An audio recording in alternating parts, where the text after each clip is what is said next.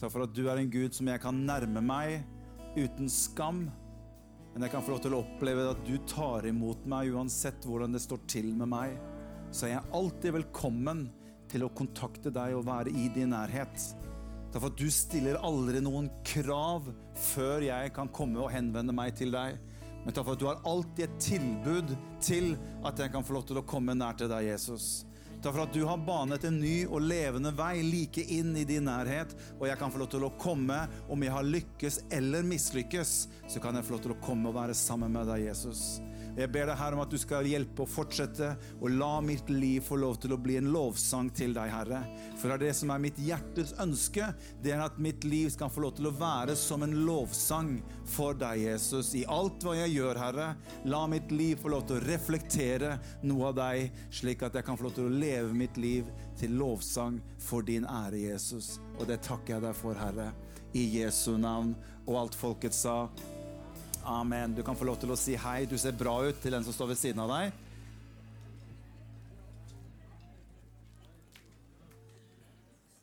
Så kan du si tilbake hei. Du ser jo enda bedre ut.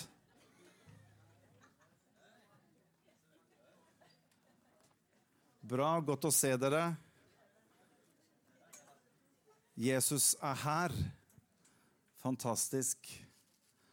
Jeg eh, den sangen der 'Jeg vil gjøre mitt liv til en lovsang til deg', er jo egentlig en fantastisk fin sang. Eh, det går litt inn i det vi, vi, vi snakker litt om her, og som vi skal snakke litt om i dag. Men det som vi kommer til å se litt på, det er at veldig ofte så prøver du og jeg å gjøre vårt liv til en lovsang. Problemet med det er at du og jeg vi kan ofte mislykkes. Og så tar vi oss krampaktig sammen, og så prøver vi, og så går det akkurat en uke eller 14 dager, så er vi akkurat det samme, tilbake i gamle samme mønster. Og så kommer vi på men jeg vil gjøre mitt liv til en lovsang. Ja, men Løsningen for det er ikke at du og jeg tar oss krampaktig sammen og prøver en gang til. Men løsningen er å slippe til kraften i evangeliet. For det eneste som kan forandre deg og meg som menneske, det fins i evangeliet. Vi er impotent som mennesker til å forandre oss i kraft av oss selv. Vi kan prøve, og vi har alltid prøvd, og vi kommer til å fortsette å prøve. Men vi kommer til å mislykkes hver eneste gang fordi at vi har ikke noe kraft i oss selv til å forandre oss som mennesker. Det fins én løsning, det fins én kraft som har det i seg til å forandre oss mennesker, og det er kraften som fins i evangeliet. Og Det er noe av det som vi skal dele litt om i formiddag. For det går litt i tråd med som del to i det som vi begynte forrige søndag. Så velkommen til del to. Er dere klar for litt, litt Guds ord? So let's go to work. La oss begynne å jobbe litt. Vi snakket forrige gang eh, forrige søndag om dette med, med, evangeliet. Hva er evangeliet? Og vi snakket om dette ordet, det greske ordet evangelium, som, som består av to greske ord, som er ju, angelion. Og ju det betyr egentlig gode, og angelion betyr egentlig nyheter eller budskap. Så ordet evangeliet betyr gode nyheter. Så overalt hvor du leser i Det nye testamentet og det ordet evangeliet står, så er det egentlig direkte oversatt gode nyheter. Og gode nyheter om Jesus er alltid gode nyheter. Det fins ikke dårlige nyheter om Jesus. Jesus og evangeliet er alltid gode nyheter. Og derfor så Hvis du er for en evangelist, så betyr jo det egentlig at en som er et sendebud, som har godt budskap. Og til og med engel, som du kan, hvis du ser, oppi, hvis du ser det norske ordet, så er det evangel. Angel. Det er jo det, fra det greske ordet angelus, som betyr engel, som kommer også med et budskap. Og det er jo englenes rolle. Det er jo å komme med budskap. Og det ser vi jo blant annet, som vi snakket om dette med julenatt, hvor en engel kommer og sier 'Jeg forkynner dere en stor sorg'. Nei, gode nyheter er alltid 'Jeg forkynner en god, stor glede', sier han. At det er født en frelser i Davids by. Og han skal få lov til å være en frelser for alle mennesker. Så eh, Vi skal fortsette i, i, dag. Jeg har lyst til, Før vi går videre på det som vi snakket om i romerbrevet Så dere må ta fram Bibel. og bare for å spørre, Hvor mange er det som har med en bibel? faktisk? Få se. I 2021. En bibel. En fysisk, en fysisk papirbibel. Er det noen som har det? Nei, det er ingen som har det. Ok. Jeg har det. Den ser sånn ut, bare hvis noen som lurte på det. kan se sånn som det er. Men vi skal slå opp. Og vi skal, vi skal, eh, vi skal fortsette i romerbrevet, som vi gjorde eh, forrige søndag. Men før vi går til romerbrevet, så vil jeg at vi skal gå til et annet brev som Paulus har skrevet. Og det er brevet til galaterne. Eh, og hvis det er et brev som man opp gjennom kirkehistorien aldri har diskutert forfatteren til, så er det nettopp Galaterbrevet.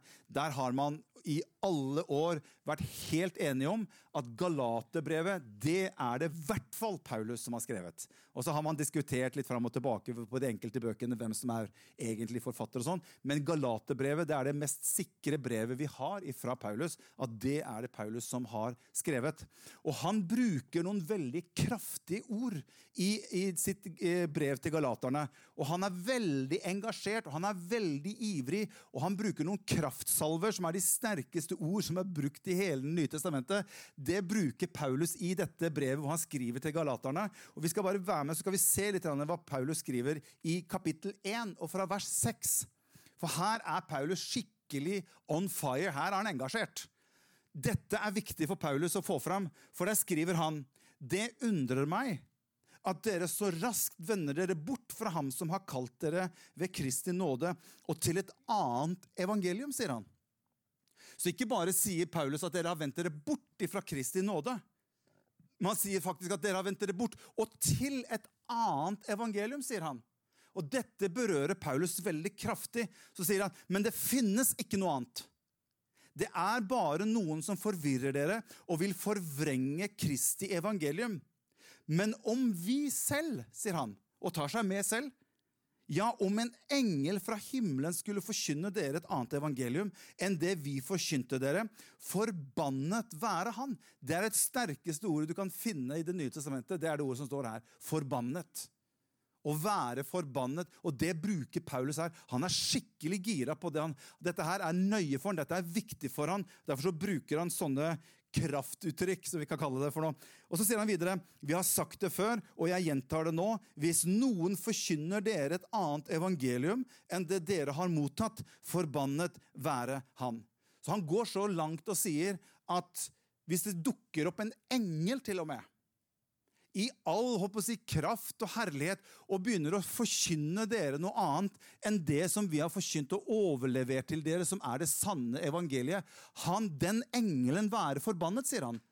Så hvis, en, hvis en engel hadde dukka opp her på søndag formiddag og stått her oppe og, skulle, og, og vi hadde lagt med det her er ikke evangeliet om Jesus Kristus på den måten som det står om i Guds ord, ja, da måtte jeg gått opp og si, tatt engelen og sagt vet du hva, du må, du må ut.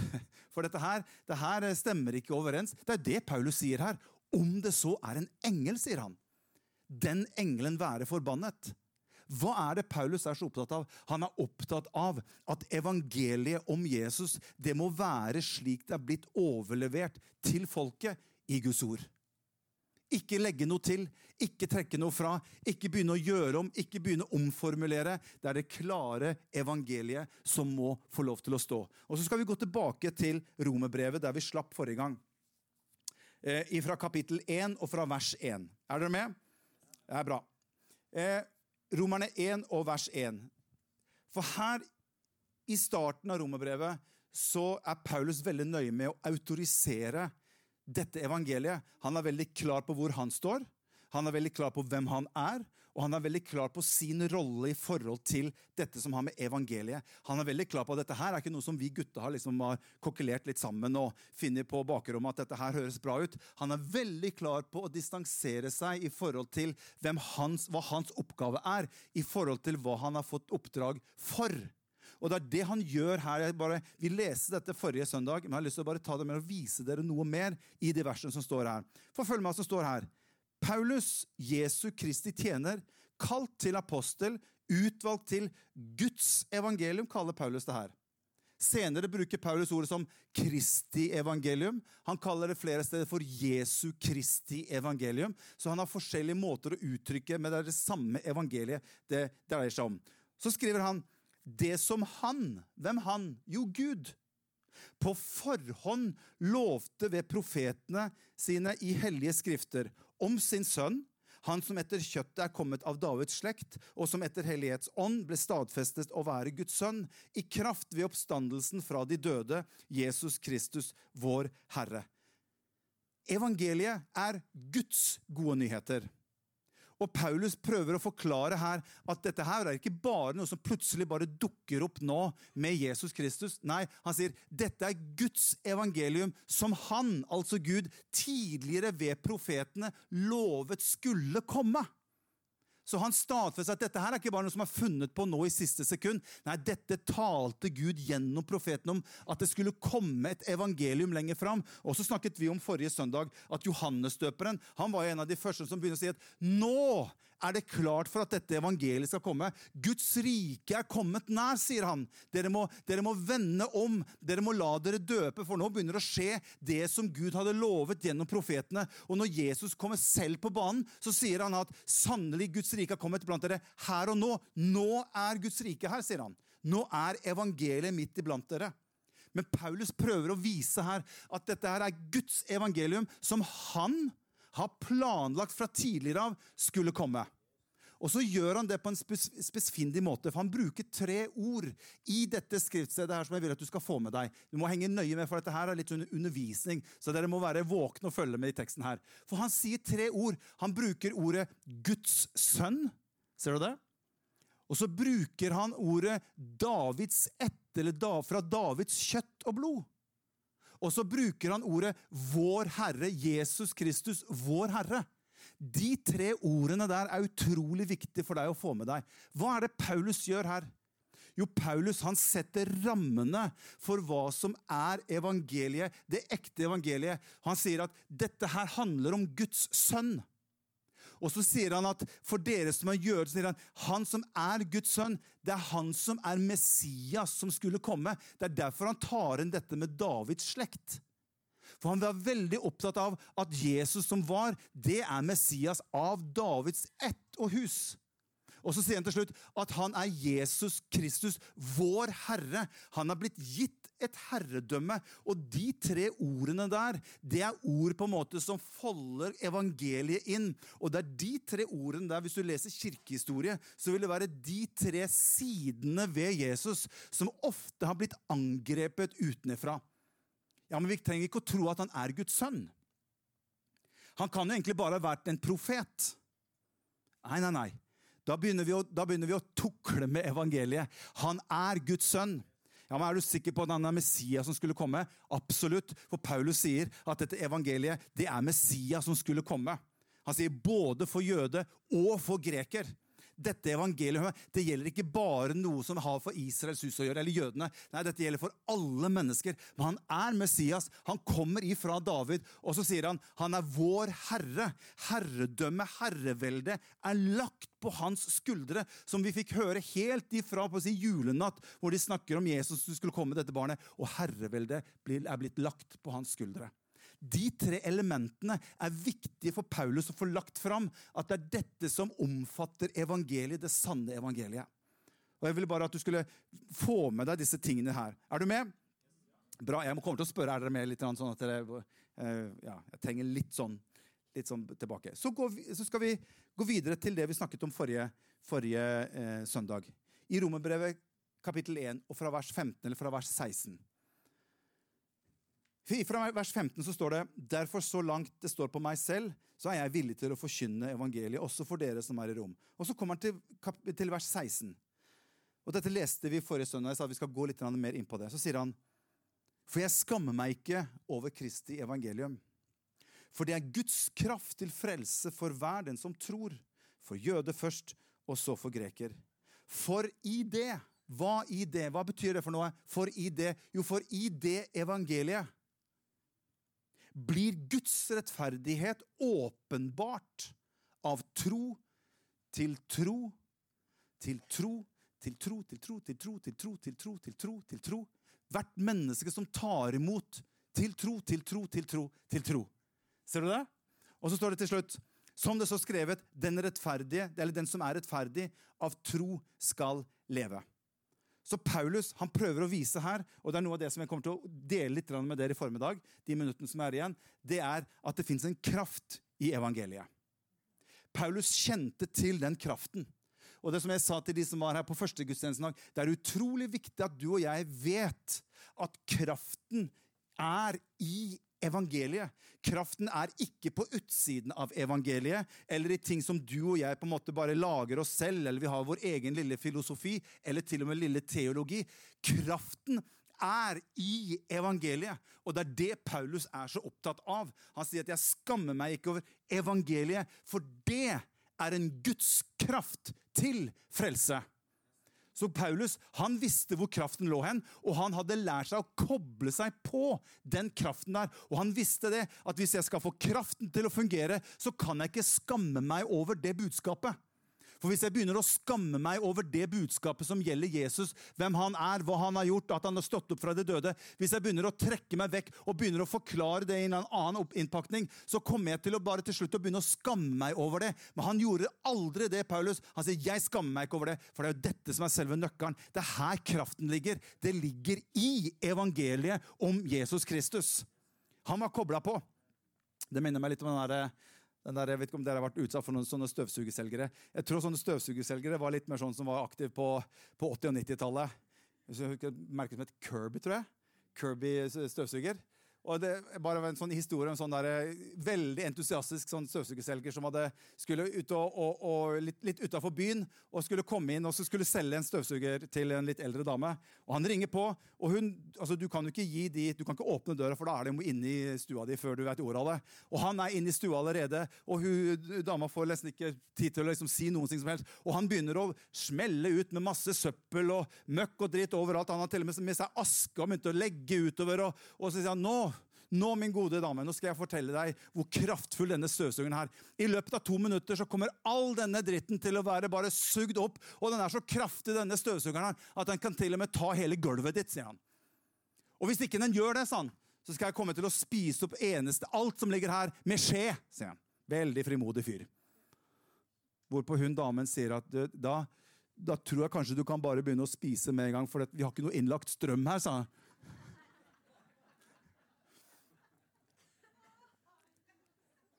Du skjønner, du er nødt til å vite at du er koblet på for å få evangeliet til å fungere.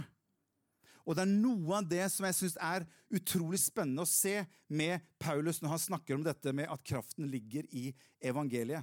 Eh, Paulus han trekker fram fire ord når han oppsummerer så fantastisk dette verset 16. Så bruker han fire ord som er viktige for deg og meg til å være med å skjønne evangeliet. Han ordet, bruker ordet kraft så bruker Paulus ordet frelse, og så bruker han ordet tror.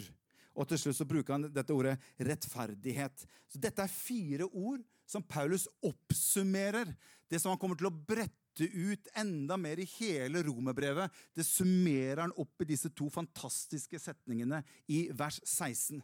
Og Vi har ikke tid til å, å, å gå inn på alt dette, men jeg skal si litt om det som har med kraft å gjøre. Det ordet kraft her det er et gresk ord som heter dynamis som vi får ordet dynamitt fra. Og Det er det som jeg sier, at det fins en kraft i evangeliet som jeg tror vi må aldri miste. Og Det er noe av det som ligger meg litt på hjertet. Fordi jeg tror vi som mennesker vi har et ønske ofte til å søke forandring i livene våre. Vi lever i en tid og et samfunn hvor vi blir bombardert på sosiale medier og på PC-en og overalt med muligheter til å kunne gjøre ting bedre. Hva? Se bedre ut tenke smartere, få andre opplevelser, få sterkere opplevelser. Alt på en måte appellerer til menneskets ønske til å kunne oppleve å gjøre noe nytt eller forandre seg. Problemet for vårt, oss mennesker det er som jeg sa innledningsvis her, det er at vi har vanskelig for å forandre oss innvendig. Og Noen ganger så tror jeg at vi søker utvendig forandring som kanskje har noe med et behov for en indre forandring å gjøre. At vi, at vi, kompenserer på utsiden på ting som egentlig tilhører oss på innsiden. Og så sliter vi noen ganger med å forandre oss som menneske. Og hør, mennesket i kraft av seg selv er impotent i forhold til det å kunne forandre. Du greier ikke å forandre deg selv. Ja, vi, vi, kan godt få noen sånne enkle, små forandringer. Nå skal jeg skjerpe meg eller ta noen krafttak innimellom. Men en reell forandring det kan godt hende at ingen av dere kjenner dere igjen i det hele tatt her. Men hvis jeg, hvis jeg snakker for min egen del, så tar det meg 14 dager, og så er jeg tilbake igjen i det gamle mønsteret som jeg var. Hva er det Paulus snakker om her? Han sier at det fins bare én løsning for deg og meg å forandre oss, det er evangeliet. Det er bare der du og jeg finner en kraft som har kraft til å forandre oss som mennesker.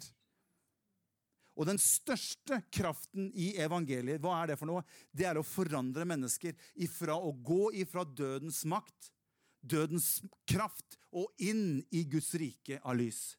Det er bare evangeliet som kan gjøre det, ikke noe annet.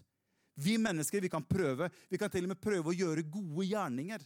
Og Det har vi prøvd å gjøre opp gjennom historien. Gode gjerninger kan jo kanskje få meg inn for Guds rike.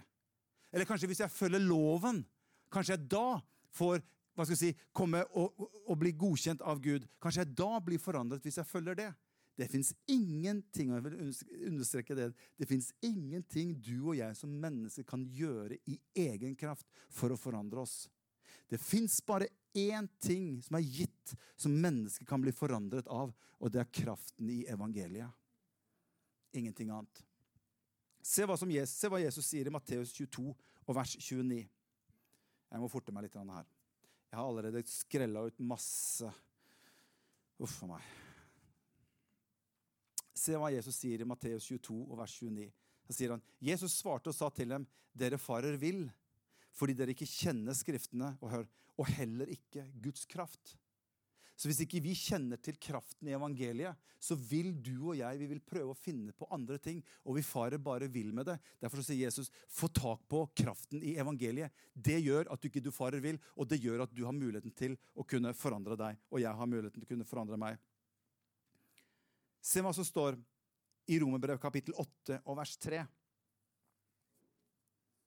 Her kommer Paulus videre så forklarer han dette med, med, med, å bli frelst, eller frelse. For da sier han fra vers 3 det som var umulig for loven. Og så sier han siden den sto maktesløs fordi vi er av kjøtt og blod. Så Paulus snakker om her om menneskets natur. Paulus snakker om mennesker fordi at du er kjøtt og blod slik som vi er skapt. Så er det ikke mulig for loven å følge noen bud og regler. Det vil ikke forandre oss det har ikke i seg hva skal si, muligheten til å gjøre noe med deg og meg, selv om vi følger deg. Og selv om det ytre sett ser riktig ut, eller kan virke bra, eller vi gjør noen gode gjerninger, så forandrer det ikke oss. Det er bare at du og jeg følger et eller annet på utsiden, og han sier at loven er faktisk maktesløs i å forandre deg og meg som menneske. Den greier det ikke. Og så sier han videre, men han sendte fordi vi er av kjøttet, det gjorde Gud. Han sendte sin egen sønn som syndoffer. Og så syns jeg det står noe fantastisk i Salme 106. Salme 106, Der står det, jeg tror det er fra vers 7, men han frelste dem for sitt navns skyld, for at de skulle kjenne hans kraft. Hvilken kraft er det vi snakker om? Jo, det er den kraften vi får del i gjennom evangeliet, som skal være virksom i og gjennom våre liv. Det er den kraften som fører meg fra døden og inn i hans rike. Og, hør, og det er den kraften i evangeliet som fortsetter å forandre meg som menneske. Det er derfor Paulus sier at 'la deg forvandle ved at ditt sinn fornyes'. Hvorfor skal jeg la mitt sinn fornyes? Jo, for det er den eneste måten å forandre meg på. Det er at sinnet mitt fornyes. Og hvordan forandres sinnet mitt? Jo, det forandres gjennom kraften i evangeliet. Ikke at du og jeg blir flinkere til å gjøre et eller annet. Det er kraften i evangeliet som forandrer deg og meg, og som har makt og mulighet til å forandre deg og meg. Så det ikke mennesket kan gjøre for seg selv, det kan Gud gjøre for mennesket. Hey, det er veldig bra. Ai, ai, ai. Så evangeliet det er en kraft til å forvandle og frelse mennesker. Vi skal gå videre her. Vi får dessverre ikke tid å gå inn i alle. Kunne gått inn i alle disse ordene og, og, og, snakket om det, men det får vi ikke tid til. Men det er noe som jeg satt og tenkte litt på, som jeg har lyst til å dele de siste åtte minuttene her med dere. Det er at Når jeg satt og, og, kikket litt på dette og tenkte litt på dette, her, så ser jeg at evangeliet beskrives av Paulus ved tilfelle som et, et type tveegget sverd. For Paulus han skriver det i 1. Korinterbrev kapittel 1 og vers 18. For han sier at ordet om korset er dårskap for dem som går fortapt. Men for oss som blir frelst, er det Guds kraft. Så det virker som at evangeliet, som er gode nyheter, trenger ikke alltid å ende opp som gode nyheter for de som tar imot. For det har noe med dem som tar imot, og sluttresultatet av de gode nyhetene. For i utgangspunktet så kan ord om korset eller evangeliet virke dåraktig for den som hører på. Og det kan ende med at det blir dårskap for de. Men for de som tar imot ordet om korset, tar imot evangeliet i sitt liv, så er det det som er nøkkelen til kraft i livet til individet. Og Det er det Paulus skriver så fantastisk fint om her. Han sier det at det å ta imot evangeliet er å ta imot Guds kraft inn i ditt og mitt liv. Derfor har jeg også skrevet her 'fra kraft til dårskap'. Og når jeg satt og tenkte på dette, så jeg, jeg ser en del mennesker som kanskje hadde en sterk hva skal jeg si, en tro, en, en, et sterkt gudsliv, eller eh, var engasjert med Jesus, eller hva skal jeg si, var, var, var, hadde Jesus mye mer tett innpå seg enn det de kanskje har i dag.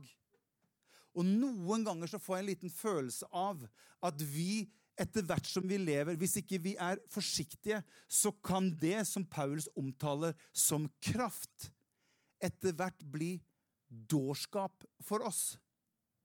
Fordi at du og jeg, etter hvert som vi lever, så plutselig så begynner vi å stille spørsmål til det. Eller vi tenker nei, det er kanskje ikke sånn. Eller vi, det, det, vi kommer på avstand. Andre ting dukker opp. Er det virkelig sånn? Er det sånn det er tenkt? Og så til slutt så begynner vi å nesten bli mer skamfulle over evangeliet. Og til slutt så ender det som skulle være til kraft i livene våre, det ender opp til at det blir dårskap i livet vårt likevel. Så vi som troende vi er også nødt til å være obs på disse tingene. At den onde vil alltid ønske å prøve å dra deg og meg vekk fra sentrum, vekk fra Jesus, vekk slik at det blir avstand mellom meg og Jesus. Og til slutt så begynner jeg å lure i det hele tatt på er det sant dette vi holder på med. Er det virkelig dette vi holder på med? Og til slutt så bare Nei, vet du hva, jeg tror dette tror jeg ikke så veldig mye på lenger. Det, det, det kan ikke være sånn. Og det som var kraft en gang, det har plutselig nå blitt dårskap for meg.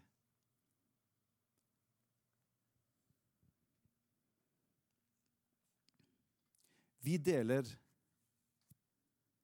Jesus på forskjellige måter. Vi kan komme oss på spillet, så skal vi gå mot avslutning. Vi deler Jesus på litt forskjellige måter.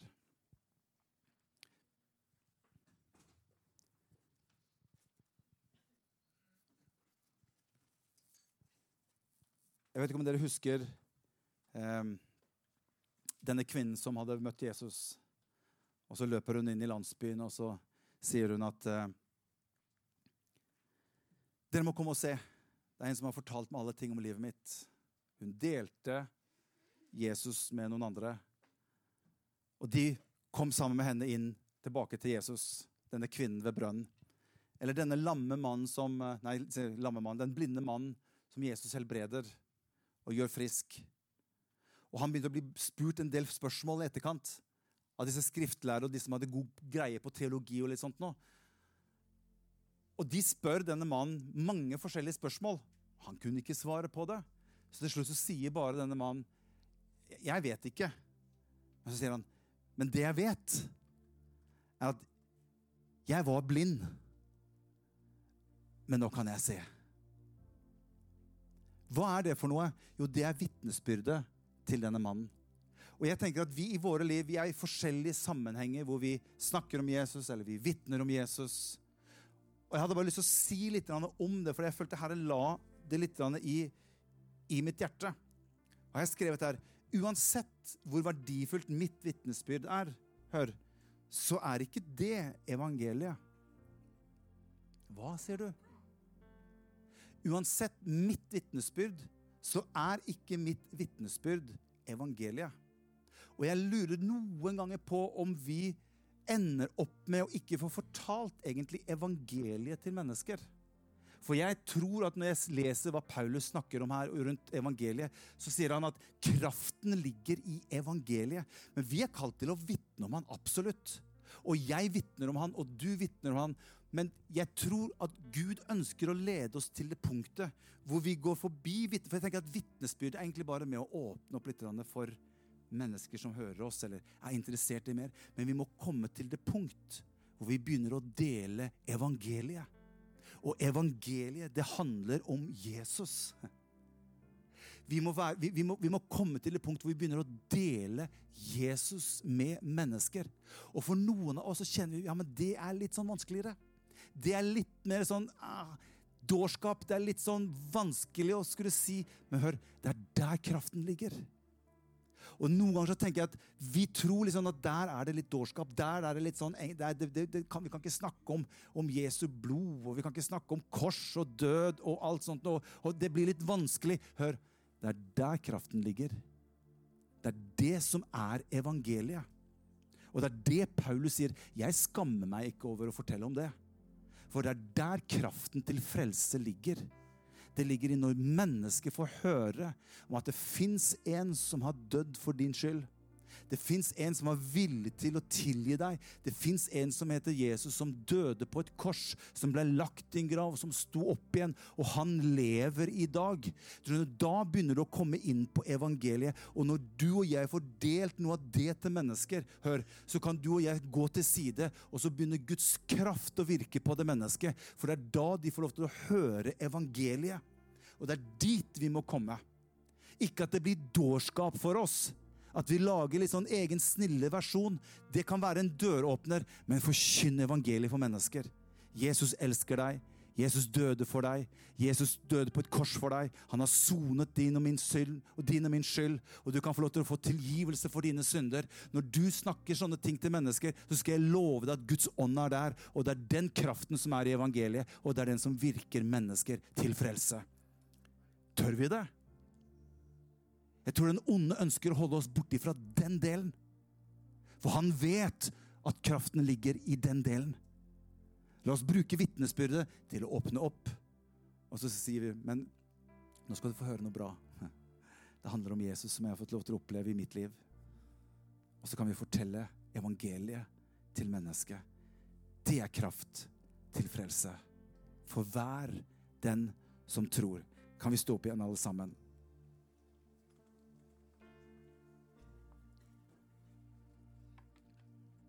Neste søndag så skal jeg oppsummere litt av dette her og fortsette litt rundt det som vi har snakket nå om i de siste, siste ti minuttene her. Og så skal vi få landet denne, denne serien Hva er evangeliet?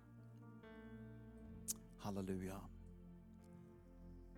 For et budskap vi har å dele med mennesker. For et budskap vi har å dele med mennesker i den tiden vi lever. Hvis det er noe virkelig mennesket trenger å høre i dag, så er det evangeliet om Jesus Kristus. Ikke noe annet. Vi har så mye annet rundt omkring. Men la det få lov til å være det enkle evangeliet om Jesus Kristus. Ikke gjøre det så vanskelig og komplisert, men at Jesus elsker mennesker. Jesus døde for mennesker. Han kom hit og han betalte din og min skyld. Og jeg kan få lov til å ta imot det gratis uten at jeg trenger å gjøre noe for det. Jeg kan akseptere det i mitt hjerte og ta imot og så skjer det et under. Det blir til frelse for meg i livet mitt. Så jeg takker deg, Jesus, for ditt evangelie. Takker deg for at du var villig til å dø for alle mennesker. Takk for at du var villig til å gjøre det for min skyld, Jesus. Jeg bare ber deg, Herre, at denne kraften som fins i ditt evangelie, at den skal få lov til å bli virksom enda mer og mer i mitt liv. Gjennom mitt liv, Jesus. Hjelp meg til å nå ut med evangeliet om deg, Jesus. Og ikke gjør meg skamfull. Hold frykt unna meg, Herre. Hold skammen unna meg, Herre. Og ikke la meg trekke meg tilbake, men la meg få lov til å kjenne på en stolthet i mitt hjerte og en visshet i mitt hjerte at det er det mennesket trenger å høre. Nettopp at Jesus elsker dem. Han ga sitt liv for dem. I Jesu navn. Og alt folket sa amen. Vi synger litt sammen.